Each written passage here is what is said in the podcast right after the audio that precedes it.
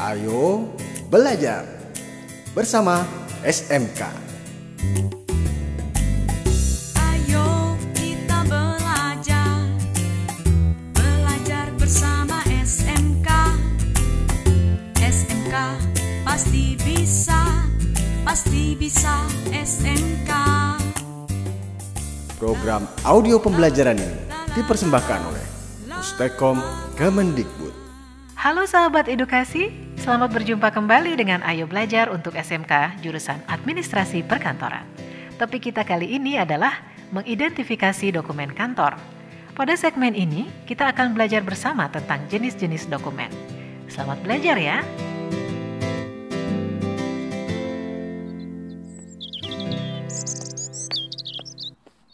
Assalamualaikum. Waalaikumsalam. Eh, cuci tangan dulu. Jangan langsung makan ya. Ah, Ibu, sekali-sekali boleh dong. Alfi lapar banget nih. Ih, gak ada tapi-tapi. Harus cuci tangan dulu kamu ya. Hmm, Ibu masak apa? Biasalah, sayur sop sama ayam goreng. Kan kesukaan kamu. Hmm, jadi tambah lapar. Gimana?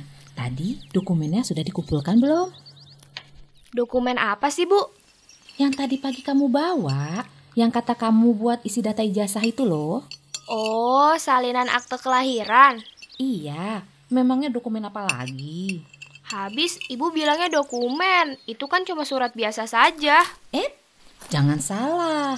Akte lahir juga termasuk dokumen, Alfi. Tepatnya dokumen pribadi. Dokumen pribadi. Iya, dokumen pribadi itu keterangan atau surat yang dapat dipakai sebagai alat bukti kepemilikan, hak, atau kejadian pada seseorang.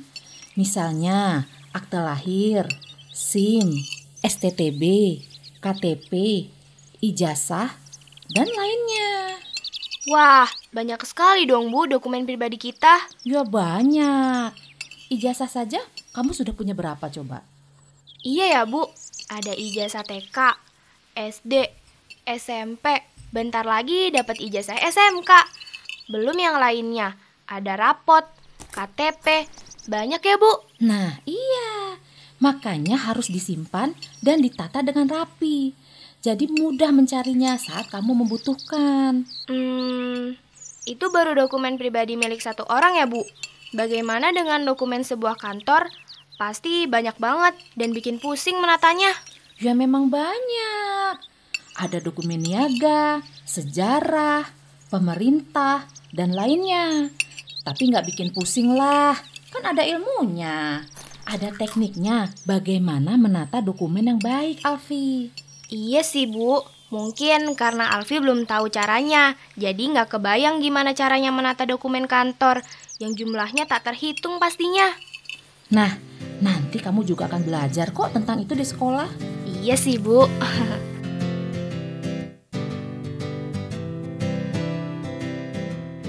Sahabat edukasi, terdapat banyak ragam jenis dokumen. Dokumen dibedakan menurut kepentingan dan bentuk fisiknya.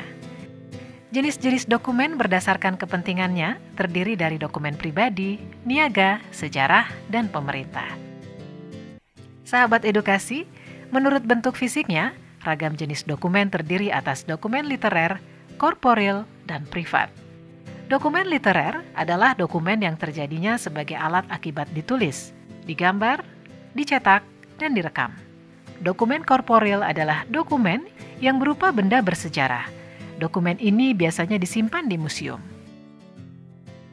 Dokumen privat adalah dokumen yang berupa surat-surat atau arsip. Nah, sahabat edukasi, demikian tadi bahasan kita tentang jenis-jenis dokumen. Tetap semangat belajar ya. Pepatah bijak mengatakan, think big is true, but focus big is better. Berimajinasi itu penting, tapi fokus jauh lebih penting. Selamat belajar dan salam edukasi.